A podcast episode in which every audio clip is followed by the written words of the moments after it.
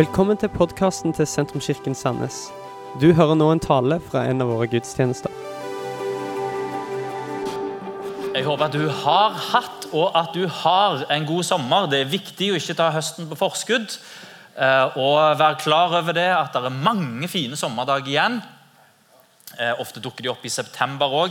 Husk det at eh, sjøen er fortsatt varm. Det går fortsatt an å bade. Det er fortsatt lov å sitte på terrassen, og det er fortsatt lov å gå i shorts. Jeg har hatt en god sommer. Jeg tenker Det er viktig å fylle sommeren med trivielle ting som ikke er viktige, og så gjør de veldig viktige. Eh, Jeg har plukket blåbær i sommer. Plukket molte òg, bare for å få med det. Jeg har lykkes eh, for første gang med å grille barbecue ribs med utgangspunkt ikke i de som allerede er ferdig marinert, men, men, men plain ribs, og lagd min egen marinade og grillkrydder. Og lykkes. Eh, Det tok meg nesten to timer eh, å grille dem før de var ferdige. Det var fantastisk. Jeg overnatta i telt på stranda. Jeg har fått vist fram mitt kjære Makedonia til deler av min familie. Eh, Og jeg har lest utrolig mange unyttige bøker og sittet altfor lenge på terrassen. Og hoppa i paraglider, så fikk jeg sagt det òg. Det er sånne ting som det som gjør sommeren god. Og denne sommeren her har vært god. Og Eh, kanskje Noe av det kjekkeste i løpet av sommeren det er å komme hjem fra utenlandsferie eller kom, når en har vært vekkreist, og så komme hjem til sommergudstjeneste. Eh, og trø inn på, Vi har vært på Salem denne sommeren. Det har vært, veldig, det har vært en perfekt plass å ha sommergudstjeneste. Trø inn der uten å ha noe ansvar for det som skal skje den gudstjenesten, og bare være menighetsmedlem. Eh, komme for å tilbe sammen med resten av kirka. Og jeg merker dette når jeg kommer hjem fra ferie, at det er godt å tilhøre dette fellesskapet. Jeg merker en annen ting. Jeg er ikke en del av dette fellesskapet fordi jeg er leder her. Jeg er en del av dette fellesskapet fordi jeg tilhører. Fordi det er en god plass for øh, Og det vil jeg fortsette å være om jeg ikke, eh, om jeg ikke var en leder i denne kirka. Jeg tilhører denne kirka. Her vil jeg være, her vil jeg tjene, her vil jeg gi mitt liv. Og jeg vil koble min familie på det som skjer i dette kirkefellesskapet. Jeg gleder meg alltid til oppstart etter en sommer. eh, Å ha en lang ferie på sommeren og plukke blåbær, sitte for lenge på terrassen, lese unyttige bøker, eh, hoppe i paraglider, gjøre alle disse tingene her. Det gjør noe med min energi. Det får opp, det lader batteriene, og en er klar for en ny eh, klar for en ny sesong. Eh, og I Sentrumskirka gir vi Jesus til en ny generasjon. Og En av mine største oppturer nei, nå har jeg sagt mange oppturer, men her er, her er, eh, her er en kjekk ting med denne sommeren. Det er, det er å ha samtale med mine døtre. Eh, og snakke om tro. Og høre at de er genuint opptatt av tro. Opptatt av Gud, spørsmål om Gud, opptatt av å finne ut av sin egen tro. Lese litt i Bibelen, finne ut hva som står der. Be. Eh, og de er opptatt av kirka. Og har initiativ og masse ideer til hvordan vi kan gjøre ting bedre. Eh, masse forslag til at eh, vi burde gjort sånn og sånn. Og sånn.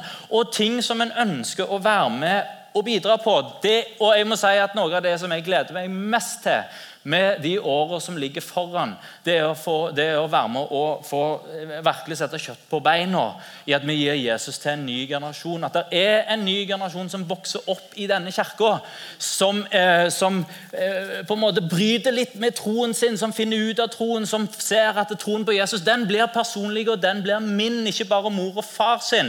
Som vokser og modnes som menneske, og det er alltid så spennende. Og samtidig lar troen sin prøves på sin modning som menneske og vokse og modnes i sin tro og får eierskap og tilhørighet og er med og tar ansvar. Det gleder jeg meg til.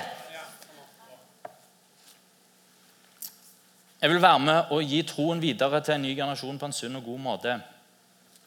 Vi er som kirke i en situasjon der eh, omtrent alle pil, eh, pilene peker oppover. Vi lykkes på veldig mange områder. Det er nye som kobler seg på. Det er positivitet, det er mange som er fornøyde, det er mange som har den opplevelsen som jeg har når en kommer hjem fra ferie. At det, oi, en trør inn på sommergudstjeneste. Å, her er det godt å tilhøre. Dette miljøet er det godt å være en del av. Her har jeg funnet min plass, her vil jeg tjene, her vil jeg bidra. Eh, det lille skåret i gleden er at det er en statistikk som ikke går oppover, men som faktisk går litt nedover. Motsatt av alle indikatorer eh, i eh, sist høst. Og det er vår givertjeneste. Vår økonomi består av Der er noen, en del små elver, men så er det ei stor elv. Og den store elva er den faste givertjenesten. Og der har det vært en negativ trend Derfor har jeg lyst til å fortsette der som eh, Det er en av grunnene til at jeg har lyst til å fortsette der som Thomas begynte i forhold til kollekten. Jeg har lyst til å åpne dette halvåret med å snakke om eh, givertjeneste. Eh, og jeg har lyst til å snakke om givertjeneste til Kirka. Eh, og at når vi setter fokus på dette, gir det et større grunnlag enn bare det at en trenger penger. Eh, men at en, eh, at en setter fokus på det ut ifra hva som er en rett motivasjon for å gi. Finne en tekst, Ta utgangspunkt i en tekst i Bibelen som vi kan spørre dette spørsmålet. Hva er en rett motivasjon for en kristen å gi? Og I denne konteksten så handler det om å gi til Kirka. Hvis du er her som ikke tilhører Sentrumskirka, så trenger du ikke å lukke ørene. For det å gi det er noe som altså Uavhengig av hva en tror, så er det kobla til det gode liv.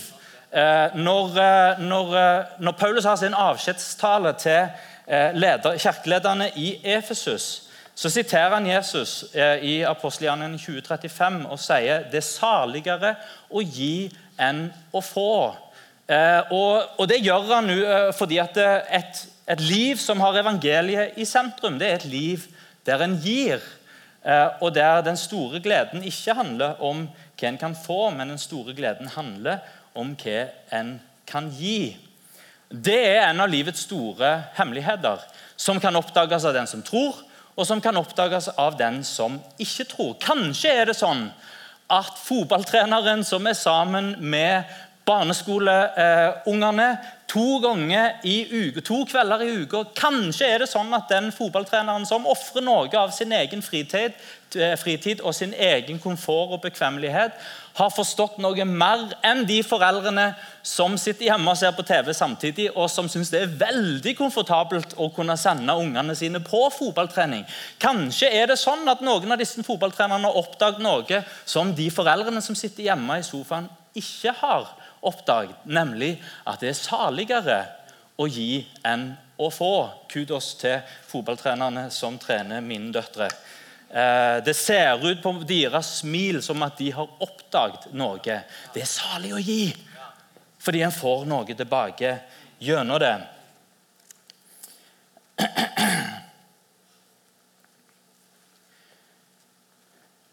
Jeg har lagt et veldig kort bakteppe som handler om at det er en litt negativ trend i kirka, og dermed et behov. Eh, men jeg vil samtidig si at eh, det handler ikke om at vi skal respondere på behov. Det er noe viktigere enn det. Jeg har lyst til at vi skal gå til 2. Korinterbrev 9, kapittel 9, vers 6-12. Og Her står det Men det sier jeg, den som sår sparsomt, skal høste sparsomt. Den som sår med velsignelse, skal høste med velsignelse. Enhver skal gi det han har bestemt seg for i sitt hjerte, ikke med ulyst eller av tvang, for Gud elsker en glad giver. Og Gud makter å gi dere all sin gave i rikt mål, så dere alltid og under alle forhold har nok av alt. Ja, har overflod til all god gjerning. For det står skrevet han strødde ut og ga til de fattige. Hans rettferd skal alltid vare. Han som gir såkorn til den som skal så, og brød til å spise, han skal også gi dere såkorn og la, dere bære rike, og la det bære rikelig, og la deres rettferdighet bære rik frukt. Dere skal ha rikelig av alt, som dere gjerne vil gi. Og så skal takken stige opp til Gud når vi overbringer denne gaven. For denne tjenesten, denne gudstjenesten er ikke bare en hjelp for de hellige, hellige i deres nød, men skaper òg en overflod av takk til Gud. Hva er bakgrunnen for det som eh, Paulus skriver her? Han skriver til menigheten i Korint. Korint er en velstående eh, handelsby. Det er et av de eh, hva skal jeg si, store urbane storsentrene, storbyene. Eh, og Korintermenigheten, selv om han åpner i sitt første brev til de med å si at ikke mange av dere er fra liksom, stor slekt og er stormenn, men mange av dere er fattige og, og, og laverestående, så, så, adresserer han likevel noe som fins i denne kirka. At det er en del som er ganske velstående i menigheten i Korint. Og en kommer fra en by som er kjent for, eh, for at det er overflod. Eh, og Paulus begynner i kapittel 8 med å bruke den fattige kirka i Makedonia som eksempel for denne velstående kirka i Korint. Se når de som har så lite, gir så mye. Hvor mye mer ikke dere som har mye, at dere òg kan være med eh, og bidra. Og Hele hans motivasjon for denne innsamlingen er at det er et behov. Uh, utgangspunktet er et behov i kirka i Jerusalem. For der det hele begynte, der er det nå fattigdom. Og det er såpass mye fattigdom Eh, at de klarer ikke helt å ta tak i det. Og Paulus sin idé er at de som har, som det hele begynte med, de som sådde ut evangeliet først, de skal få lov til å få en høst tilbake, få velsignelse tilbake for det som de har betydd for omgivelsene rundt seg. Derfor så, så, setter han i gang en innsamling som går til alle disse kirkene som han har vært med å starte. og Han forbereder den i god tid og oppmuntrer og motiverer sånn at det skal bli en sjenerøs gave og ikke en gniergave. Eh, og Han skriver to kapitler i andre korinterbrev som handler om dette, og der han legger inn motivasjon som noe mer enn behovet. For det er faktisk ikke det som han peker på først og fremst. Og Det første som Paulus gjør her, er at han sier enhver skal gi sånn som, sånn som han har bestemt seg for i sitt hjerte. Han fortsetter med å si den som sår sparsomt, skal høste sparsomt. Og fortsetter òg med å si Gud elsker en glad giver. Det er faktisk en motivasjon for å gi som handler om deg sjøl. Um, en av de tingene som vi lærer etter hvert som en, uh, som en har mer enn det som en trenger, er at det er andre som trenger pengene mine. Uh, og der er behov hele tida. Der møter opp behov nær oss. og der, der, møter opp behov, Nå er jo hele verden kommet nær gjennom sosiale medier. Uh, og, og, og der er behov som kommer på oss hele tida. en ting som vi lærer, det er å si nei til behov. Eh, jeg vil rope et lite varsko. At hvis vi alltid stenger hjertet vårt for behov, så skjer det noe med hjertet vårt. Vi kan ikke alltid stenge vårt hjerte for behov. Jeg vil si at Av og til er det lurt å gi på impuls fordi det beveger hjertet, og fordi det er et behov som kommer nær deg. Kanskje er det en som kommer på døra. Kanskje er det en tigger som en går forbi. Intellektuelt så kan vi si at ja, men jeg skal jeg skal gi til det og det prosjektet. Her er det som jeg er involvert i. Eh, og det, Derfor så kan jeg si nei til det som tilfeldig kommer nær meg. Ikke alltid, men jeg tror det kan være lurt av oss å åpne opp hjertet mot de behovene som kommer nær. Bare for å, å, å beskytte oss sjøl. Nei, det hørtes feil ut. Jeg, jeg mente ikke det. Vi, vi, vi, gir jo for å velsigne andre, men det skjer noe med oss sjøl òg når vi gir. Allikevel så er det ikke dette Paulus vil. Han sier 'gi det du har bestemt deg for'. At det er det som er den øverste motivasjonen. Å gi en bestemmelse, og bestemmelsene våre er viktige. Jeg vil si det sånn, Din bestemmelse er et støttehjul for å lære deg en vane. Vanen er et rammeverk som rammer inn livet vårt. Og innenfor rammen av våre vaner så maler vi vårt liv. En kunne brukt andre eksempler òg. Støttehjul for en sykkel. Sykkel er vanene. Sykkelen, og så setter du retning for livet innenfor det som at du har lært å sykle. Eh, hva er poenget? Du gjør en bestemmelse. Hvorfor gjør du bestemmelsen? For å få en vane. Hva skjer med vanen? Vanen går automatisk. Når vanen går automatisk, så skaper du ditt liv. Hvem er de beste fotballspillerne? De beste fotballspillerne er ikke nødvendigvis de intelligente fotballspillerne som tenker hva de skal gjøre hele tida. Eh, ting går så fort. Eh, Til og med om du spiller for Sandve B i 7. divisjon, eh, som jeg gjorde for mange år siden, så går ting så enormt fort eh, at det nytter ikke å tenke hva jeg skal gjøre nå. Eh, en, du trenger ryggmargsrefleks. Eh, noe skjer Du tenker ikke 'hva gjør jeg nå?' hva gjør jeg nå? I det øyeblikket du har tenkt 'hva gjør jeg nå?' Da er øyeblikket over, og noen andre har tatt den ballen. De gode fotballspillerne de har fått inn en vane. Der er det ryggmargsrefleksen som bare slår inn. Noen ganger vet de ikke engang hva de gjør. for noen ting. Eh, hvilket understreker også det faktum at enkelte fotballspillere er ikke så veldig smarte. Men de gjør veldig smarte ting, for det er bare ryggmargsrefleks. Det er en vane som de bygger sin, eh, sine skills på. Så Vår bestemmelse er derfor avgjørende for hva som til slutt blir livet vårt. Får du inn i livet gode vaner, så lever du et godt liv. Vanene tar overhånd når hodet kobler ut.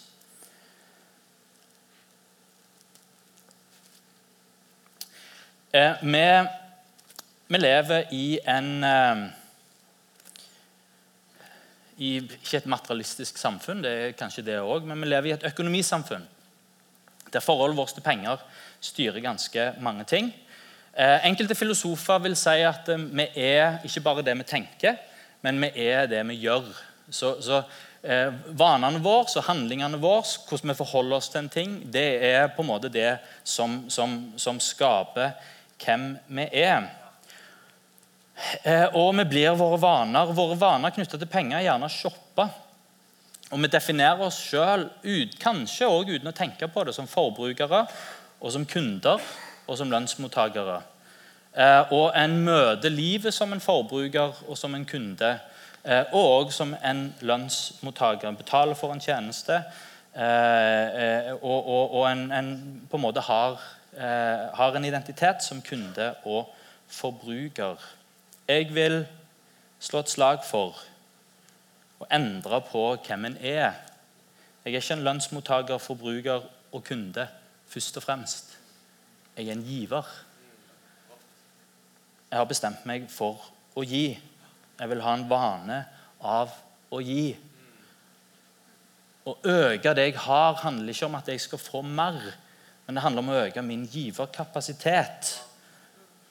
Hva jeg kan være med å gi. Tenk å definere seg sjøl, ikke som en kunde eller en forbruker, men som en giver. Det er det, det som første som Paulus løfter fram her.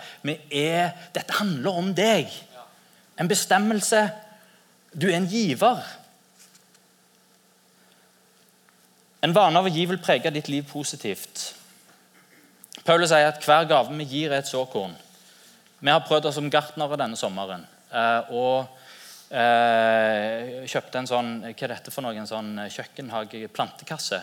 Eh, til og med med sånn, sånn, sånn glass oppå. Da blir det jo nesten som et drivhus. Eh, og vi, vi ga, ga, noen såkorn av eh, forskjellig slag til våre døtre, som da har sådd, dette her og vanna trofast Eh, og vi har fått fram fantastiske eh, gulrøtter eh, og nydelige sukkerarter. de holdt til sånn, sånn cirka en sånn lunsjsnacks en, en dag. Eh, og Tomatene ble det dessverre ikke noe av. Det ble fine tomatplanter, da, men ingen tomater på dem. Eh, og reddiker de også hadde fint grønt på toppen og null reddiker eh, under jorda. men, men en har fått liksom litt av dette her. At en sår noen ting, og så kommer det en høst på det.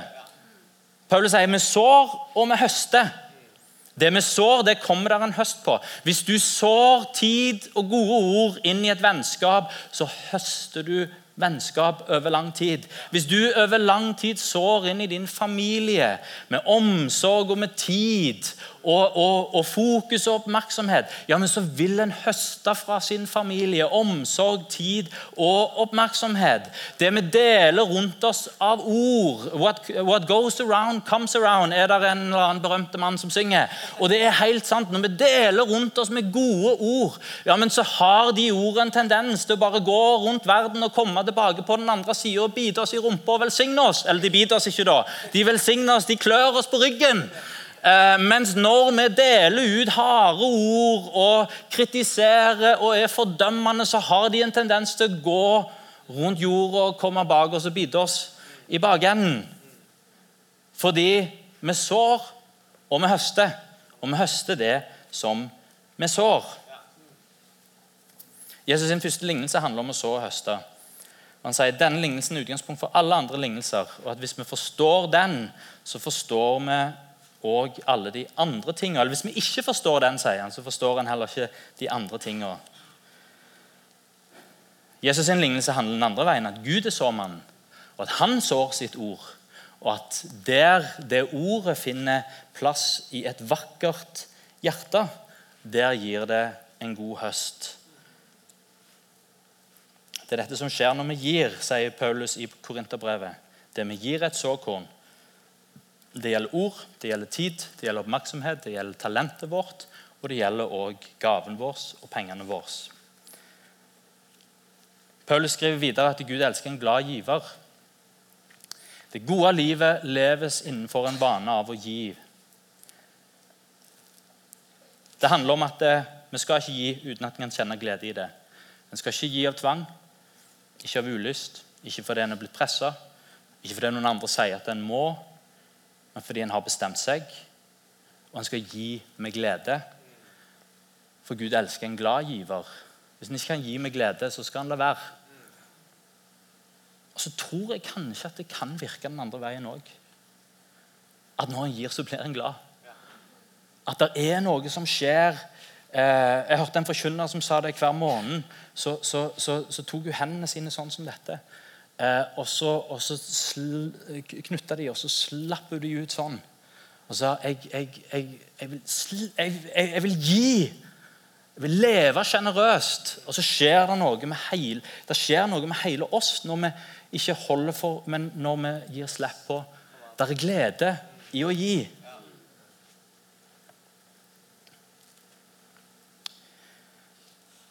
Å gi en bestemmelse, å gi oss så, å gi en glede, å gjøre noe med meg.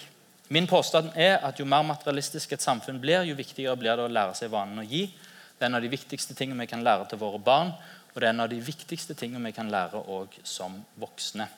Paulus fortsetter med å motivere sine lesere i Korint gjennom å koble givertjenesten til Gud.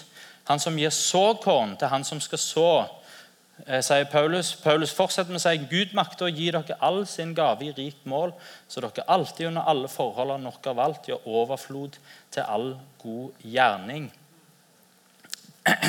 En motivasjon til å gi er fordi givertjenesten ikke bare er kobla til meg, men det er også kobla til, til, Gud. Jordan Peterson uh, han sier jo mange interessante ting, men, men han, han, sier at eh, vanen som, som, som, samfunn, som ursamfunn, fikk med å sette til side Norge for å ofre til Gud, det har vært med å forme vår sivilisasjon.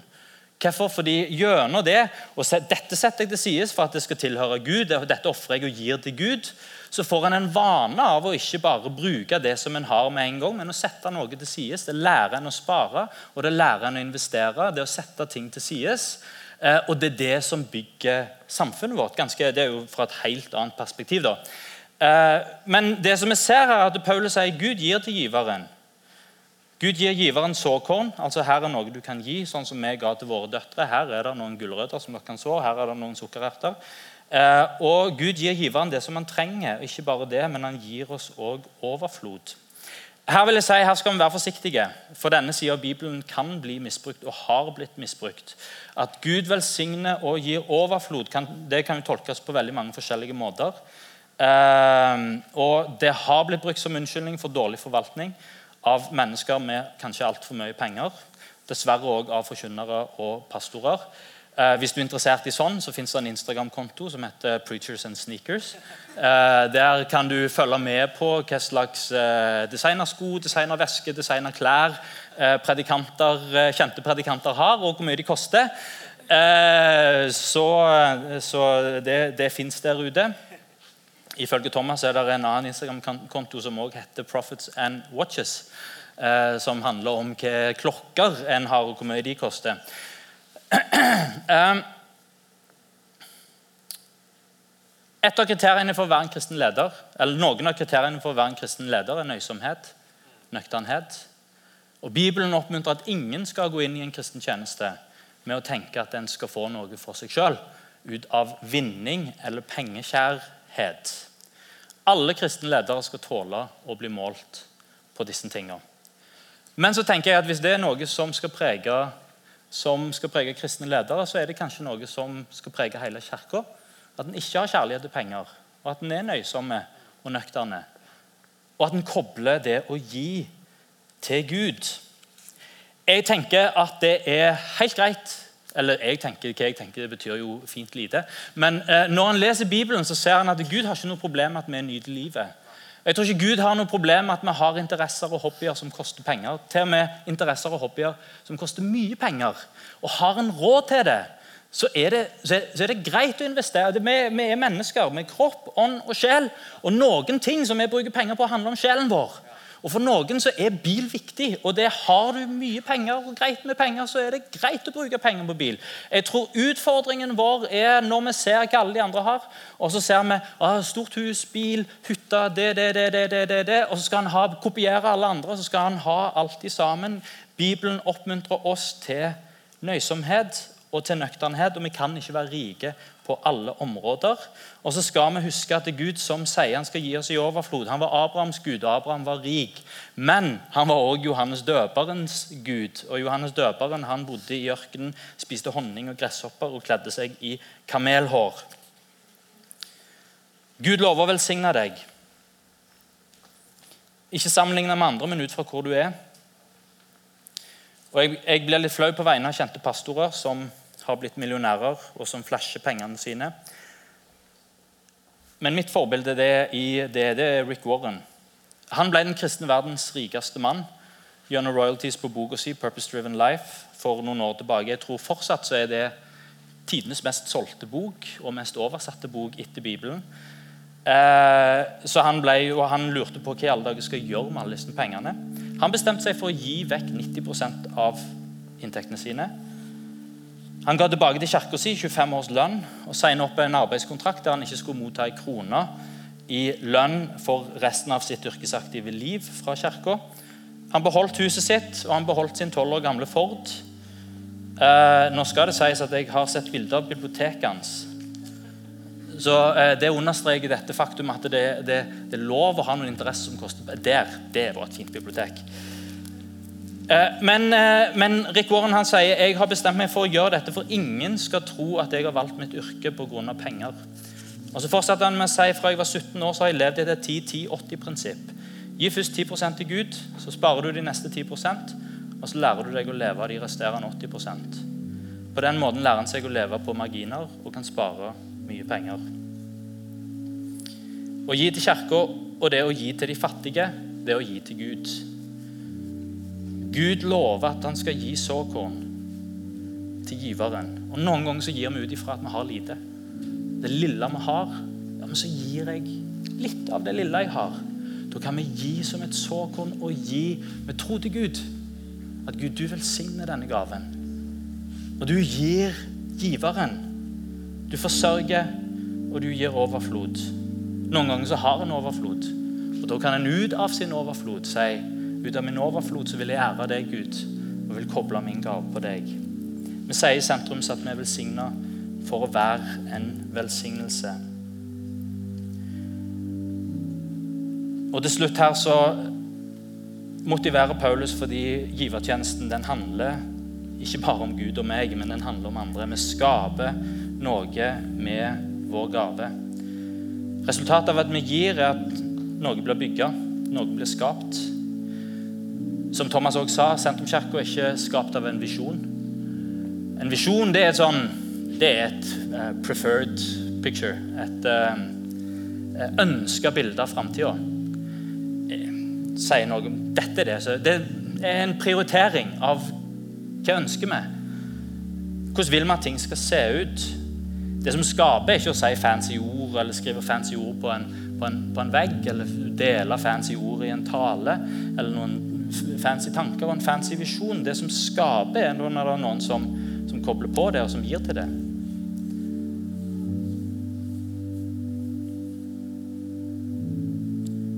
Gaven som Paulus spurte etter, den skapte en ny situasjon for de kristne i Jerusalem. En gave skaper muligheter. For to år siden så fikk vi en skikkelig stor gave, Vesten av meg. Den var så stor at vi ble sjokkert. Eh, vi trodde det var feil. Måtte sjekke flere ganger. Stemmer dette? Eh, og når vi hadde fått beskjed om at det stemte, det, det var ikke feil, eh, så visste vi nesten ikke hva vi skulle. Vi ble litt overvelda. Det var en så stor velsignelse. Og, men det som, det, som var, det som, var, interessant, var at det skapte noe konkret. Vi hadde hatt lyst til å pusse opp kjøkkenet, og det er jo en sånn liten, trivielle ting. betyr det noe? Ja, Gud sier han skal sørge for oss. og Eh, den gaven var ikke nok til å pusse opp kjøkkenet, men den var mer enn nok til å sette i gang. Hva skapte den gaven for oss? Et nytt kjøkken. Men den skapte også takknemlighet. Til og med i dag morges når jeg gikk inn på kjøkkenet, tenkte jeg på den gaven. Paulus sier for denne tjenesten, denne gudstjenesten, er ikke bare en hjelp for de hellige i deres nød. Den skaper òg en overflod av takk til Gud. De vil prise Gud fordi dere var lydige. Resultatet av gaven til Sentrumskirka. Jeg tenker når jeg gir min gave til Sentrumskirka, da er jeg med og gir til mine egne barn og deres oppvekst. Jeg er med og gir til at nye mennesker skal få høre evangeliet. Jeg er med til å skape, gir til å skape dette fantastiske huset. Det skal være bønnens hus for alle folk. Få lov til å være en velsignelse for denne byen. Jeg har tro på ikke bare det vi gjør og er i dag, men det som vi er i framtida. Min gave og din gave med å skape. Kan vi reise oss? Dette var slutten på denne talen. Håper du har blitt inspirert. Om du har lyst til å vite mer om hvem vi er, eller hva vi gjør, eller har lyst til å høre flere podkaster, så kan du besøke vår nettside sentrums.no.